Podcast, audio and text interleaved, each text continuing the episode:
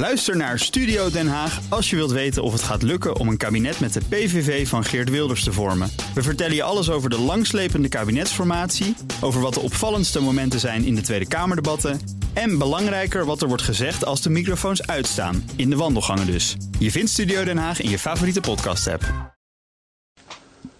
Kim Jong-un en Donald Trump hebben een date. Vraag 1. Gaat het echt gebeuren?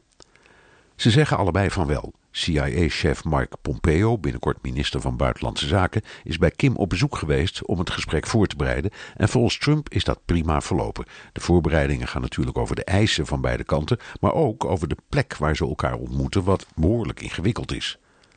Vraag 2. Wat is daar nou ingewikkeld aan? Het neutrale Zwitserland is toch ideaal of Zweden? Zeker, en beide landen hebben diplomatieke betrekkingen met Noord-Korea. Het probleem zit vooral bij Kim, die op een recente reis per trein naar Beijing na sinds zijn aantreden in 2011 nog nooit naar het buitenland is geweest. Hij heeft een presidentieel vliegtuig, een hoogbejaarde Russische Ilyushin, maar de vraag is of dat ding nog luchtwaardig is en een lange vlucht is zelfmoord. Een vliegtuig lenen is onbespreekbaar en met een gewoon lijntoestel wil hij ook niet. Mongolië heeft zich aangeboden als gastland, maar dat wil Trumps beveiliging niet. De gedemilitariseerde zone in Korea zou ook kunnen, maar dat willen ze eigenlijk geen van beide. Dus echt wel een dingetje. Vraag 3. Wat weten we van de inhoud? Dat is het hoopvolle van het verhaal. Kim is kennelijk bereid af te zien van zijn nucleaire programma als hij zich niet meer bedreigd voelt. In het verleden eiste hij het vertrek van de bijna 30.000 Amerikaanse soldaten uit de gedemilitariseerde zone. Nu zegt hij in te zien dat Japan en Zuid-Korea dat nooit zullen aanvaarden en gaat misschien aandringen op een kleinere troepenmacht. Wat hij zeker wil, is dat Amerika de gevechtsvliegtuigen uit Zuid-Korea weghaalt waarmee atoomwapens kunnen worden afgevuurd. Dat neemt voor hem de bedreiging weg. Trump wil er best over praten. Vraag 4. Appeltje eitje dus.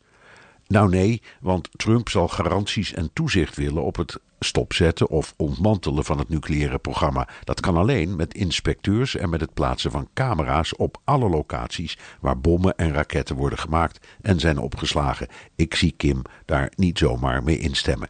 Tenzij Amerika zijn land volledig erkent en formeel vrede wil bewerkstelligen met Zuid-Korea, Japan en de VS. Vraag 5. Is daar kans op, 65 jaar na de Koreaanse oorlog? Je weet maar nooit. Trump houdt Kim duidelijk die worst voor. Als hij Kim zover krijgt dat die zijn bewapening echt en controleerbaar stopt, zou Trump de mogelijkheid van erkenning en vrede kunnen opwerpen. Maar zeker niet in één keer. Dat wordt een heel lang onderhandelingstraject. En als het bij deze eerste ronde niet meteen redelijk loopt, dreigt Trump af te haken. Dat zegt hij niet voor niets en hij legt de verantwoordelijkheid bij Kim. Nu maar hopen dat die trek heeft in een worst.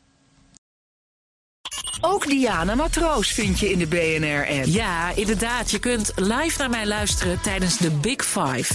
Ook handig in de BNR-app. Breaking nieuwsmeldingen, maar ook het allerlaatste zakelijke nieuws. En je vindt in de app alle BNR-podcasts, waaronder Wetenschap Vandaag. Download nu de gratis BNR-app en blijf scherp.